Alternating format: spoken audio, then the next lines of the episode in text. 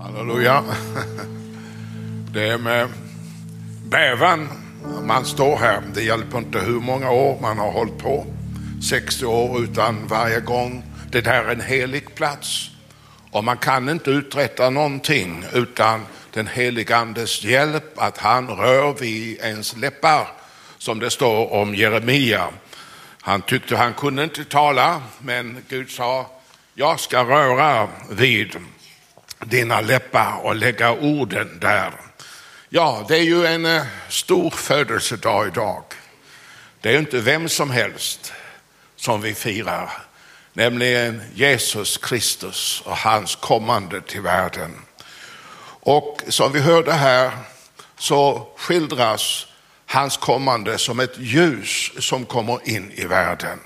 Så här står det, det sanna ljuset som ger ljus åt alla människor skulle nu komma in i världen. Ett ljus upplever vi positivt. Jag menar, det är mörkret som är negativt. Och Jesus var ett sådant ljus, men alla människor upplevde inte det positivt. Utan de gillade mörkret mer.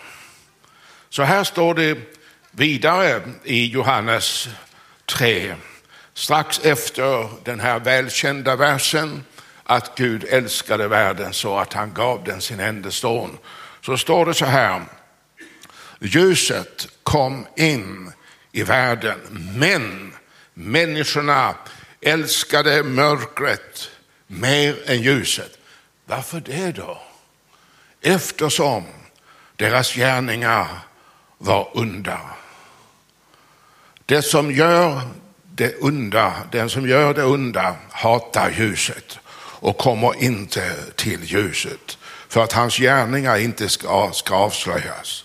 Jesus var ljuset och de som levde i mörker, även de religiösa ledarna, det, de avslöjades. Hyckleriet och allt möjligt avslöjades. Och därför ville de inte ha Jesus. För det kändes så obehagligt när ljuset kom, när de själva höll på med mörka saker i sitt liv. Ja.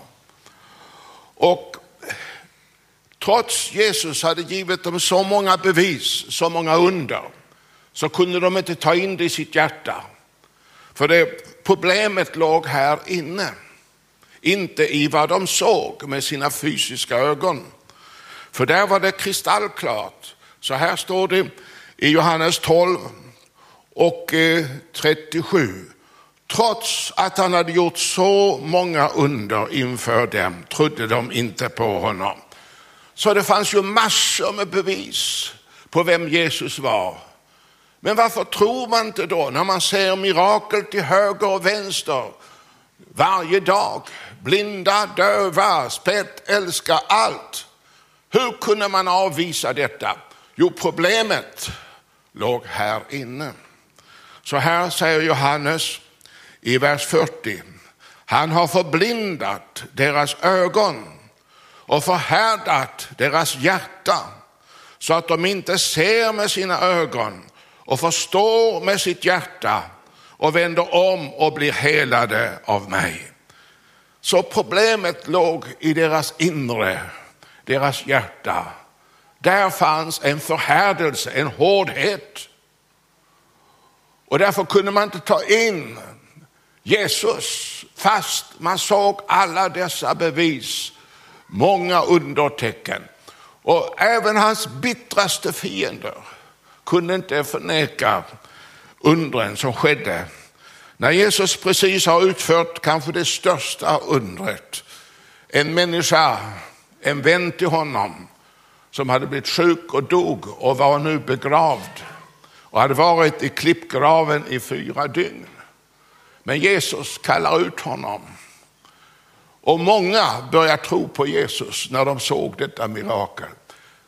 Och hans bittraste fiender säger då så här i Johannes 11 och 47. Översteprästerna och fariseerna kallade då samman Stora rådet och sa, vad gör vi? Den här mannen gör många tecken.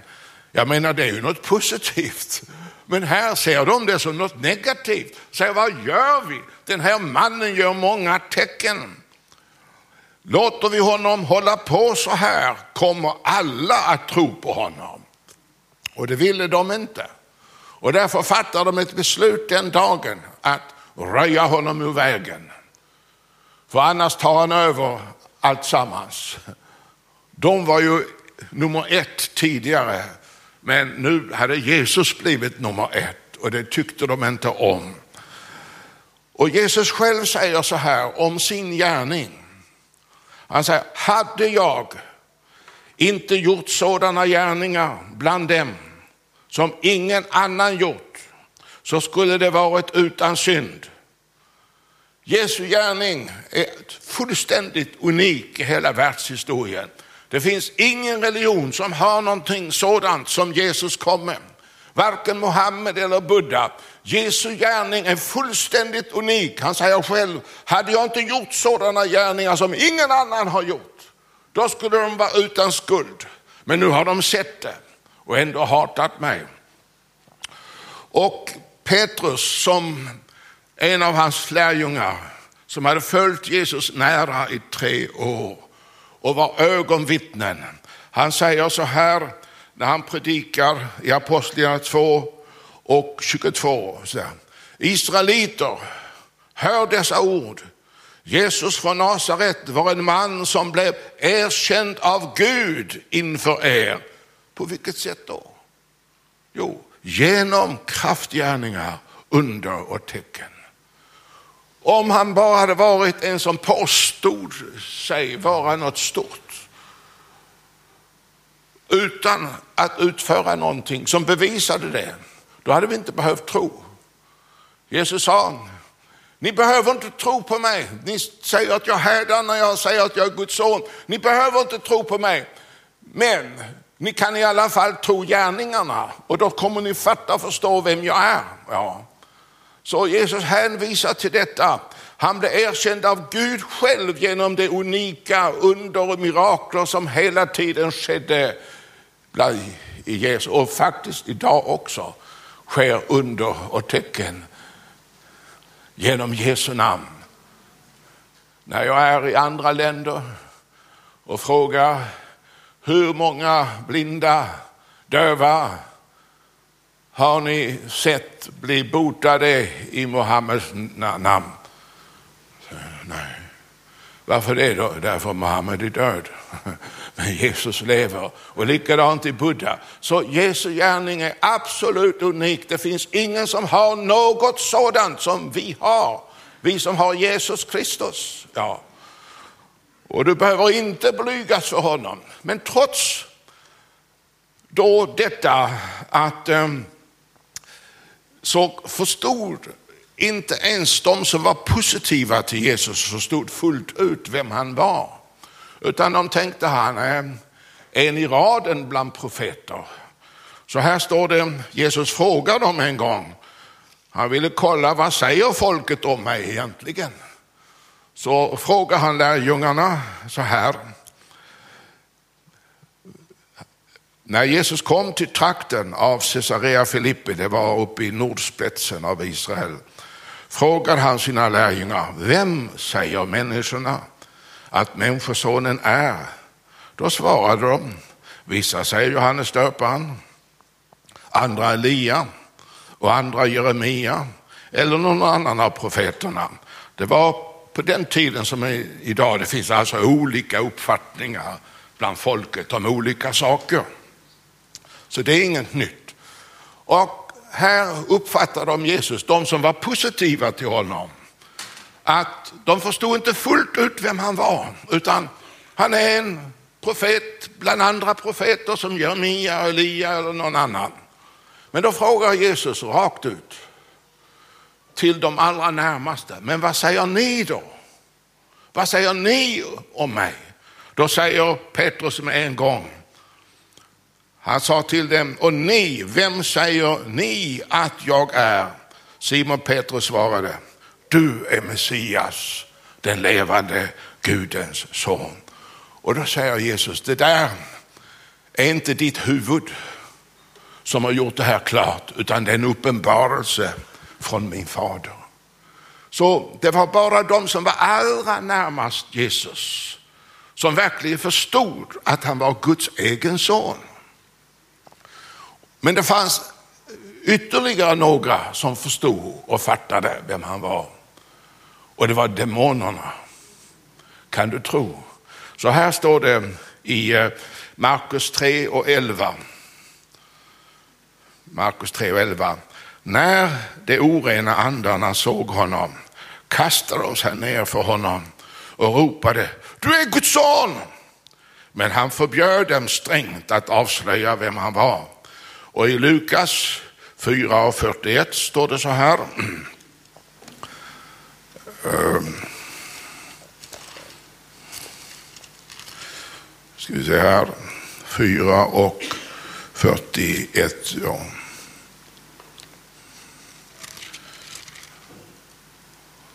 Ehm, där har vi det. Ja. Även onda andar, alltså demoner, for ut ur många och de skrek. Du är Guds son. Men han tillrättavisade dem och lät dem inte tala eftersom de visste att han var Messias. De visste. Så det var bara liksom den allra närmaste kretsen kring Jesus.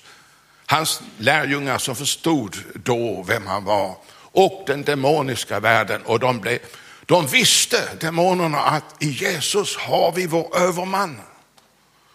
Och de blev jätterädda, de skrek ut av rädsla, för de visste att han kunde kommendera dem ner till avgrunden.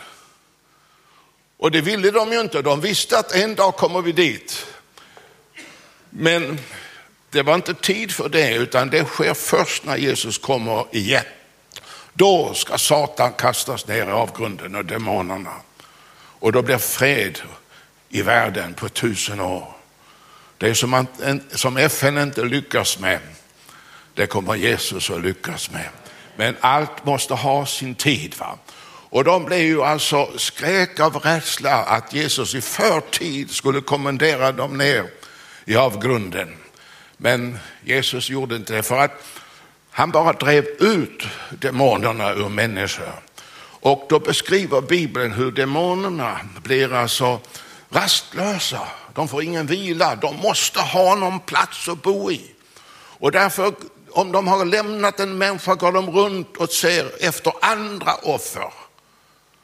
Och hittar de ingen att komma in i så går de tillbaks till den som de bodde hos och ser om det är ledigt. Ja. Och är det ledigt, då blir det sjufalt värre för den människan. Så demonerna har ingen ro liksom. Och de känner, i Jesus har vi vår överman. Men Jesus sa, tyst, säg inte, jag vet att ni vet vem jag är, Guds son, men tyst med. Han vill inte ha liksom reklam från djävulen. Och, eh, så därför vänner, att förstå Jesus, det handlar inte om att fysiskt ha sett honom. Utan det handlar om ditt inre. Om det finns ett vidrörande av Gud i ditt inre. Så här står det om människor som var i samma situation som du och jag. De bodde i olika romerska provinser som Pontus, Galatien, Kappadokien, Asien och Betynien.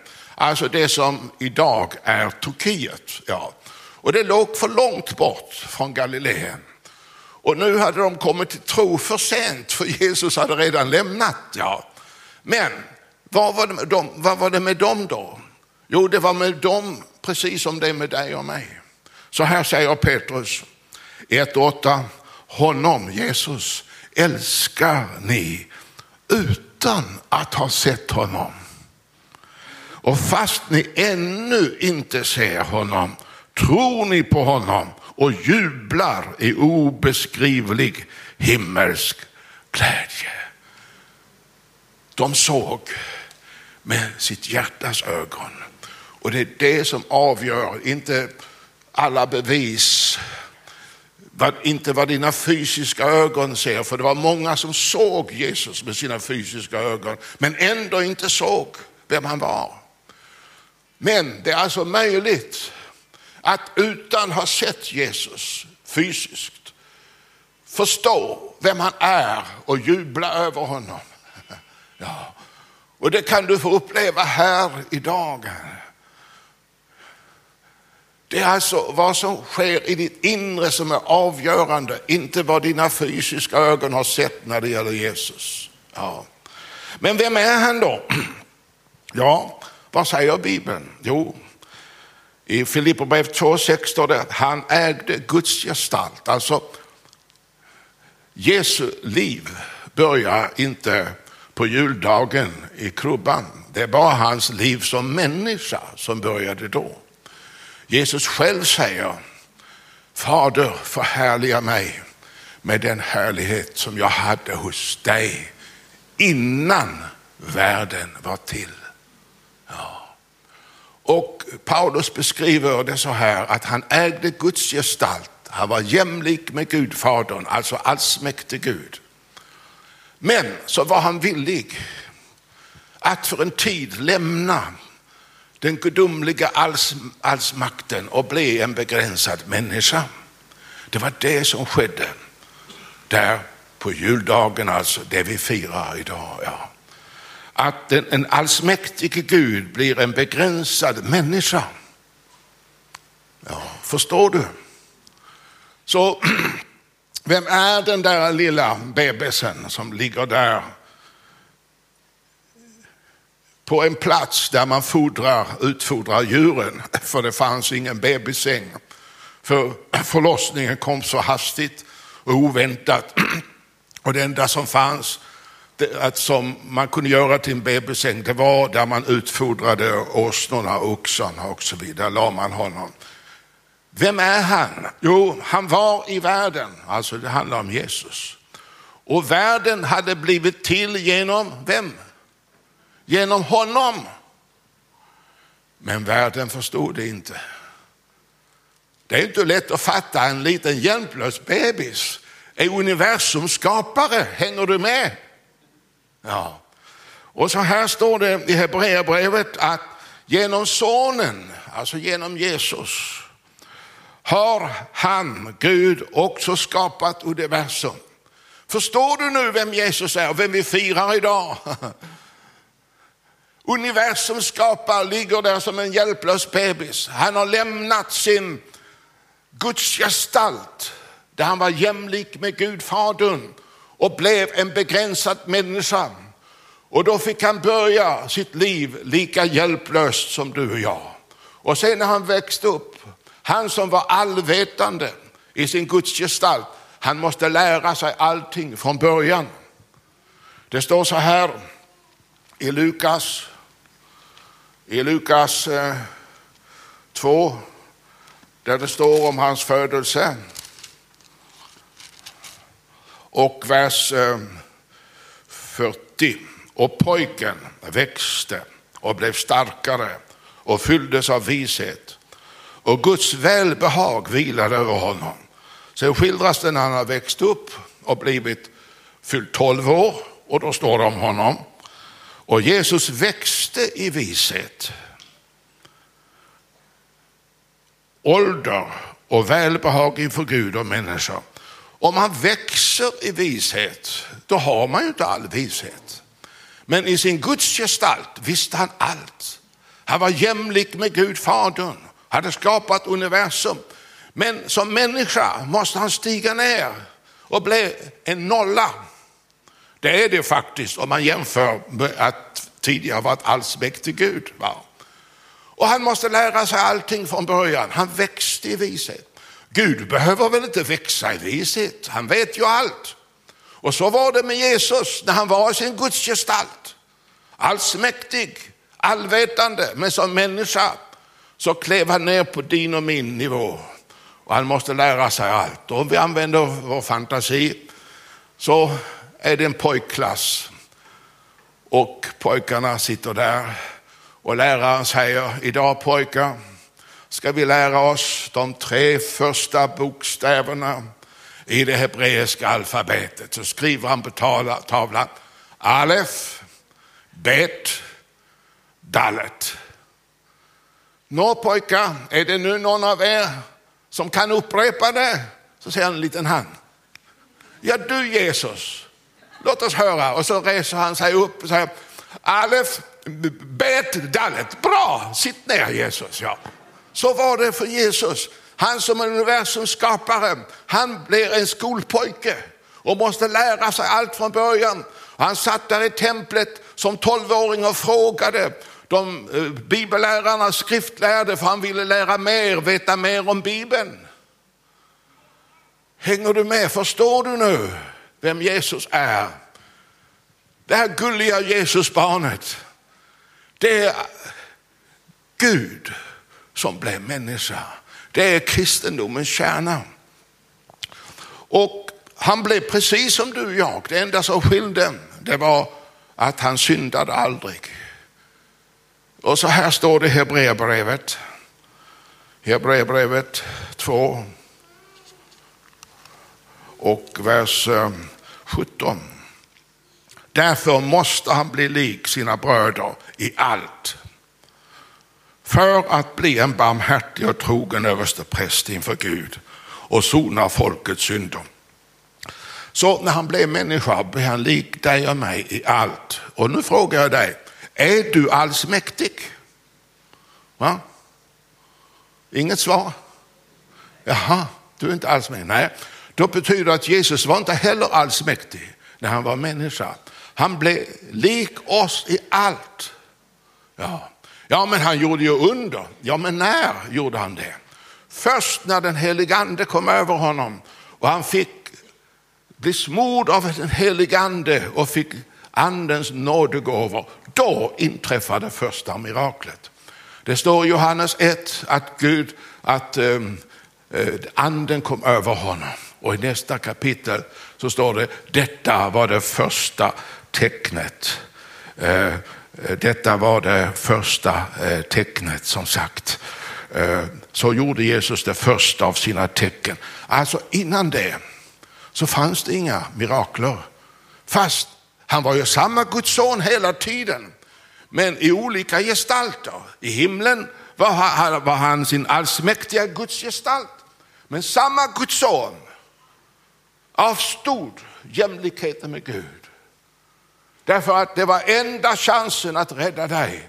Det kunde inte Gud göra från himlen. Han måste stiga ner till vår nivå för att sätta oss fria.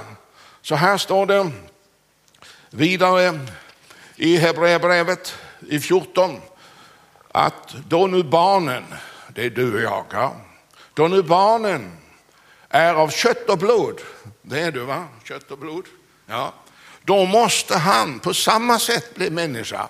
Varför det? För att befria oss. Så här står det.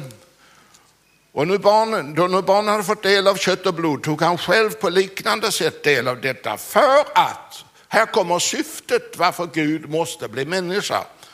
För att genom sin död göra den maktlös som hade makt över döden, alltså djävulen och befria alla dem som av rädsla för döden levt i slaveri hela sitt liv. Därför måste han bli lik sina bröder i allt. För att bli barmhärtig. Ja. Han måste känna hur det känns att vara människa. Han som var rik, han blev fattig. Han kom in i fattiga omständigheter och i det hem han växte upp hade man inte råd att köpa ett lamm vilket man ska göra enligt Moseböckerna när en kvinna har fött en pojke. Då ska man köpa ett årsgammalt lamm. Men så står det, om man inte har råd till det, då är det okej okay med två turturduvor som var betydligt billigare. Och när Josef och Maria skulle bära fram det här offret en dryg månad efter Jesus hade fötts, så hade man inte råd, man hade inte pengar att köpa ett lamm utan man offrade två turturduvor. Så han som var rik, han kom i fattigdom. Inte för att, han, för att fattigdom är något bra, utan det är faktiskt en förbannelse.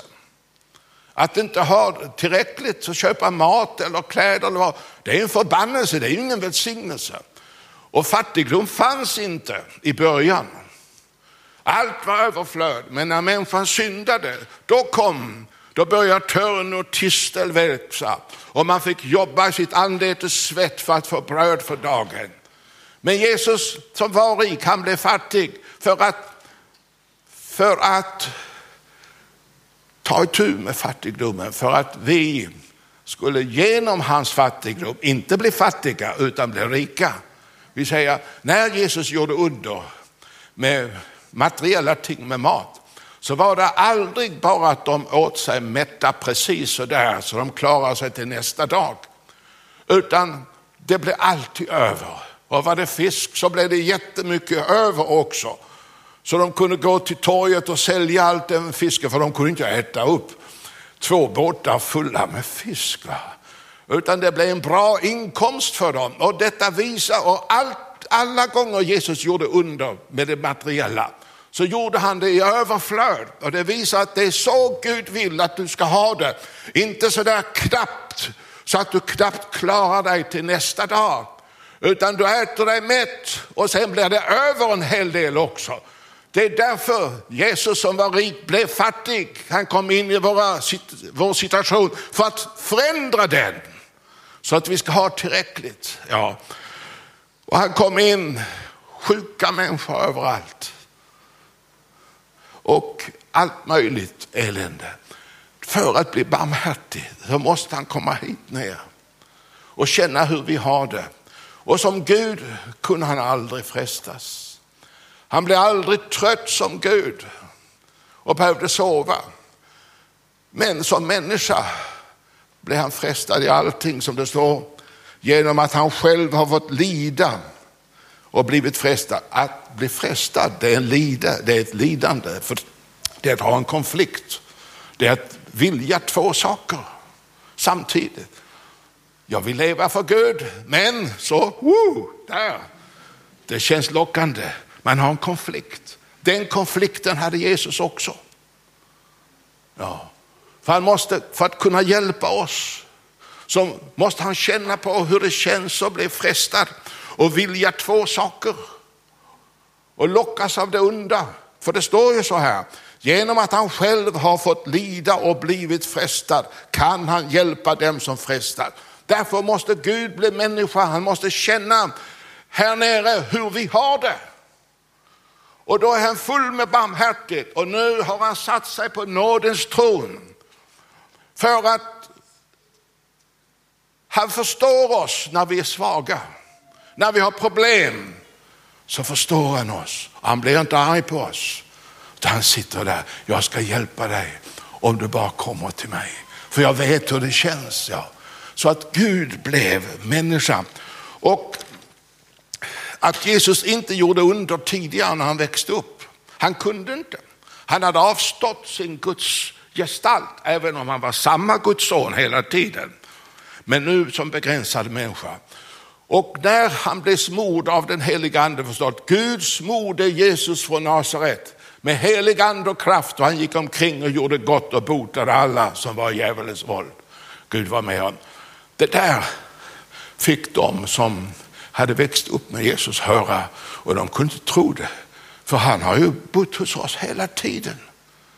Och det var, Nasaret var ingen stor stad, det sägs att utgrävningar att det var 50 hus ungefär. Och det var en sån där stad där alla känner alla. Ja. Och nu sa men vad är det här för någonting? Vad har hänt med den där snickaren? Så här reagerade de när de fick höra om under. För det hade de inte sett i Jesus tidigare. Det fanns naturligtvis många sjuka i Nasaret när Jesus växte upp. Men Jesus botade inte en enda. Han kunde inte, för han hade blivit människa. Först när han fick den helige andes smörjelse, när han var i 30 års ålder, då kom det övernaturliga. Och de som då växte upp med Jesus kunde inte fatta vad all sin dag är det som har hänt. Så här står det i Matteus 13 och 53. När Jesus hade avslutat dessa liknelser gick han därifrån och han kom till sin hemstad och undervisade dem i deras synagoga. Och då blev de, de blev häpna. Så var får han den visheten och kraftgärningarna ifrån? är det inte snickarens son? Man måste kolla, är det inte snickarens son? Jo. Yes, eh, eh, heter inte hans mor Maria och hans bröder Jakob, Josef, Simon och Judas och alla kände alla i den lilla staden. Va? Och bor inte alla hans systrar här hos oss? Så varifrån får han allt detta? Så det var något nytt för dem. Och Jesus hade ju suttit där. Han gick ju i synagogan varje lördag, varje sabbat alltså. Det står det att det var hans sed. Så han hade suttit där och lyssnat på alla torra predikningar från de lagkloge. Och nu plötsligt står han i talarstolen. Wow, vi visste ju inte att han var en sån predikant. Varifrån får han detta? Har, han har ju suttit här och lyssnat alla år. Varje vecka har han varit här. Du ska vara i kyrkan varje vecka. Kanske ja, juldagen, okej, okay, det går bra att lyssna. Men annars har det är bra att ha goda sedvänjor. Min far lärde mig att gå i kyrkan. Det var inte alltid när man var pojke, skulle upp till söndagsskolan som var ju då också före förmiddagsmötet. Ja, jag vill sova. Och jag upp med dig!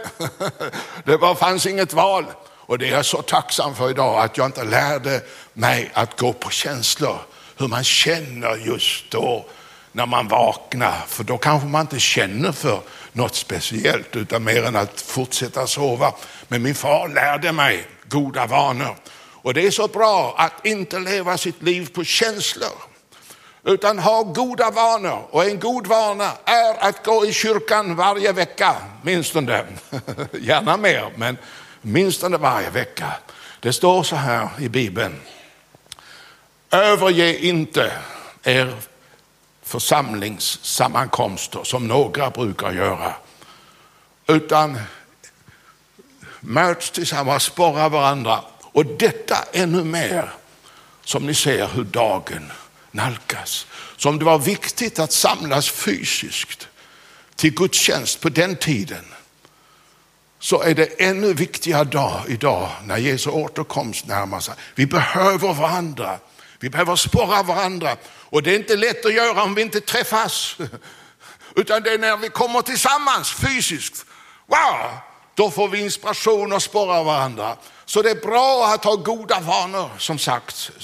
Och eh, så de sa, var får han detta ifrån? Så det visar liksom att de hade aldrig sett Jesus som undergörare tidigare, utan han är en bra snickare, det vet vi. Och man kom med olika beställningar till Jesus och hans pappa också tidigare. Men det är möjligt att Josef sen dog på något sätt. För att när Jesus växer upp så ser vi inte, när Jesus har börjat sin verksamhet, så ser vi Maria. Vi ser hans bröder, men Josef finns inte där mer.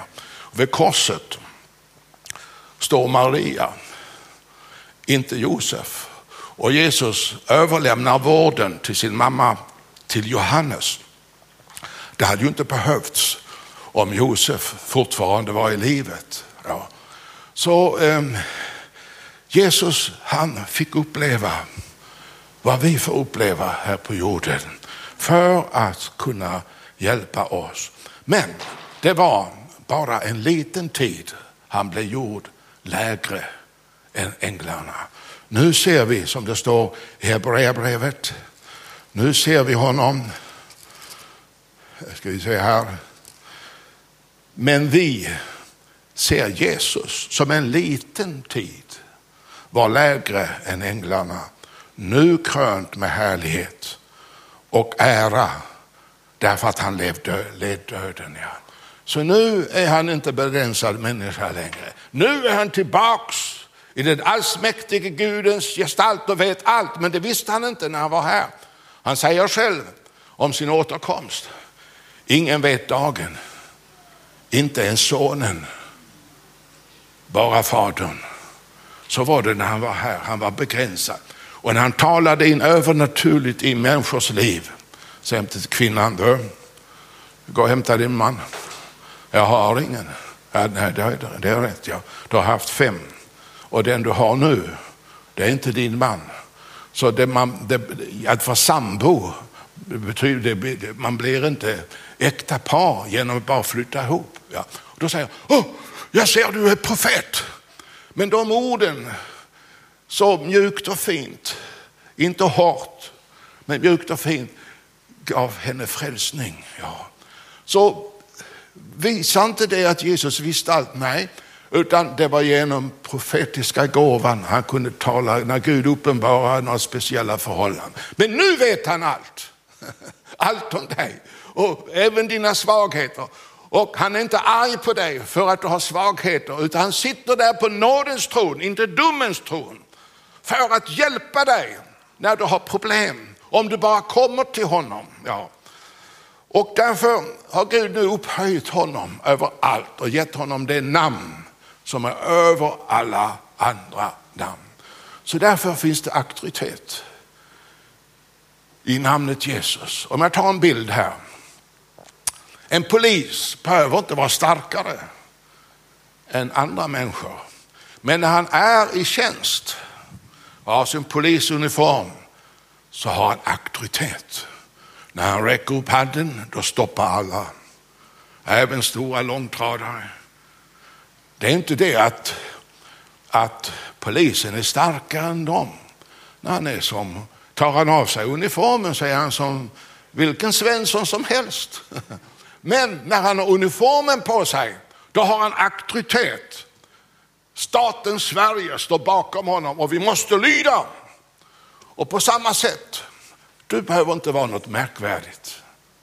Men om du har Jesus, då har du, det är din uniform. Då har du auktoritet. Du vet, lärjungarna har sett Jesus kasta ut demoner. Liksom, de hade aldrig provat själv. Men så skickar Jesus ut 70 av dem, eller 72, till att göra samma sak. Det måste varit spännande. Ska det funka? Liksom, kan vi också göra detsamma som Jesus? Och när de, när de kom tillbaka så var de alltså jätteuppspelta. De sa, det funkar Jesus, vi bara nämner ditt namn så lämnar demonerna. Då säger Jesus så här, så här står det i Lukas 10. Jag kommer alldeles till slutet snart här. Va? Lukas 10. Så här. Och vers 17. Nej, i, ehm, i vers, lite tidigare där. Då i vers 17, ja. I kapitel 10, vers 17. De 70 kom glada tillbaka. Kan du känna entusiasmen liksom? Liksom det funkar Jesus också för oss. Precis som vi gjorde samma sak som du. De 70 kom glada tillbaka och berättade, Herre till och med de onda andarna lyder oss i ditt namn. Då säger Jesus, ja, jag såg Satan falla ner från himlen som en blixt. Och så säger han, jag har gett er makt att trampa på ormar och skorpioner och över fiendens hela välde, inte bara halva välde utan hela välde. Och ingenting ska någonsin skada er.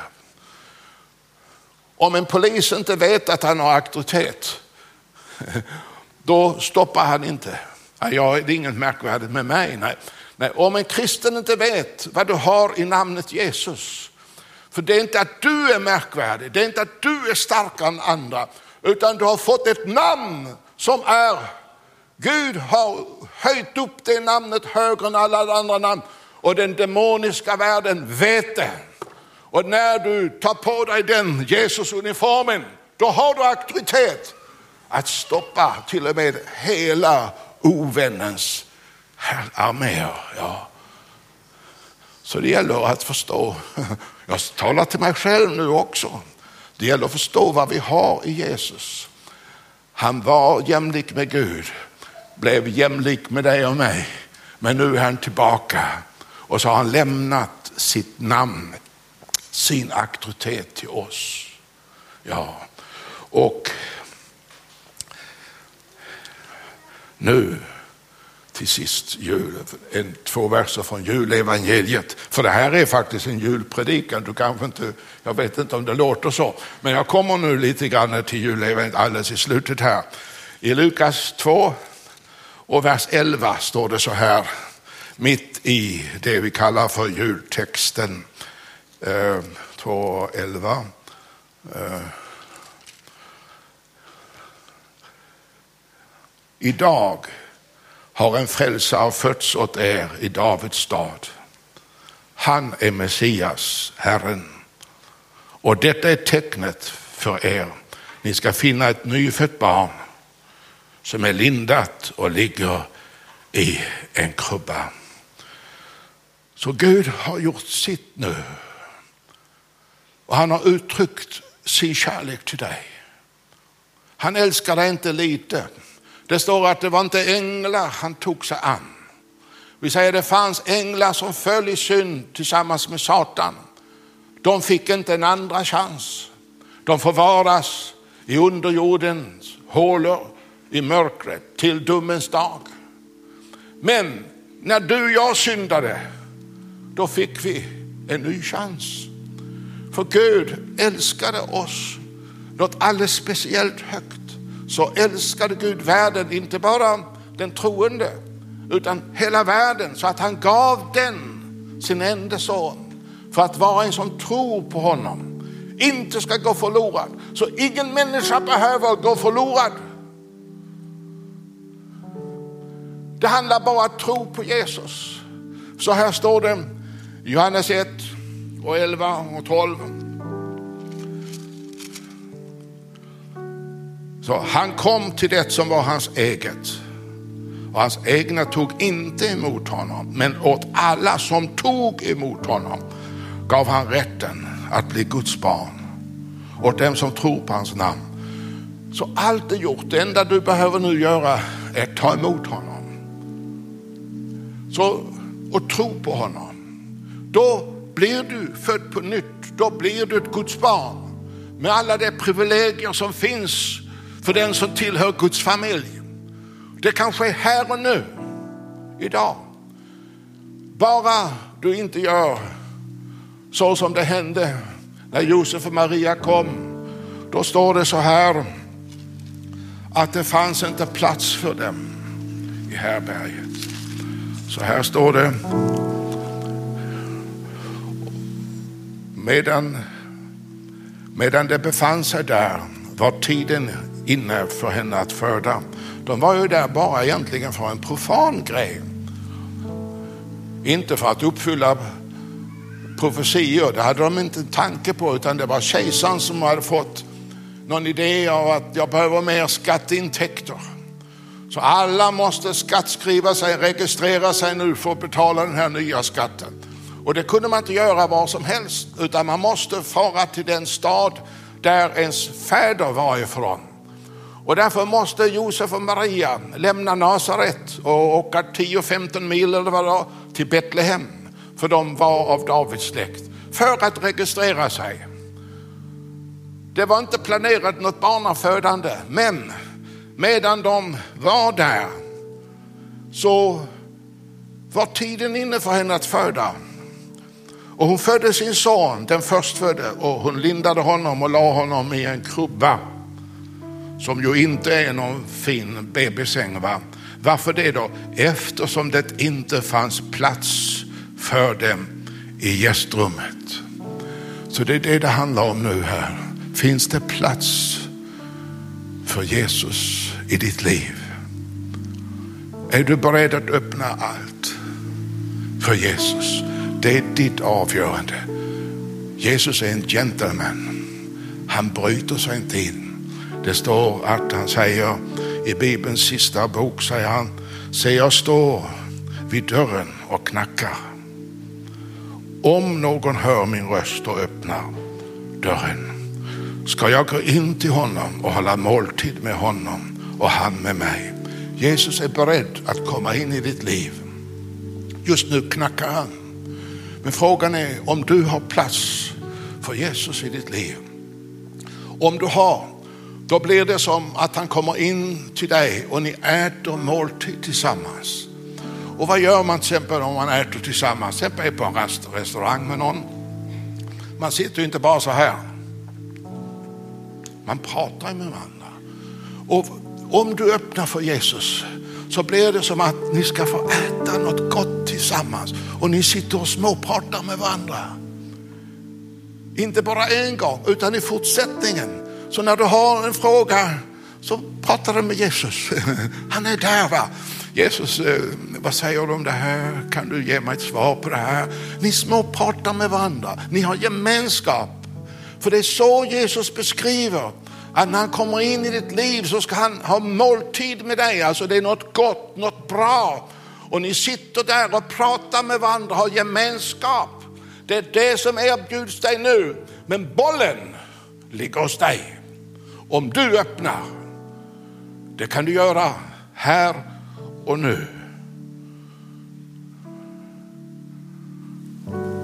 Är det inte det bästa sättet och fira Jesu födelsedag? Det är att du släpper in honom i ditt liv. Du kommer inte ångra dig och det kan du göra nu. Strax kommer inbjudan här. Om någon öppnar, om någon tar emot mig, om någon tror på mig, då blir du ett Guds barn och har gemenskap med Gud. Gud välsigne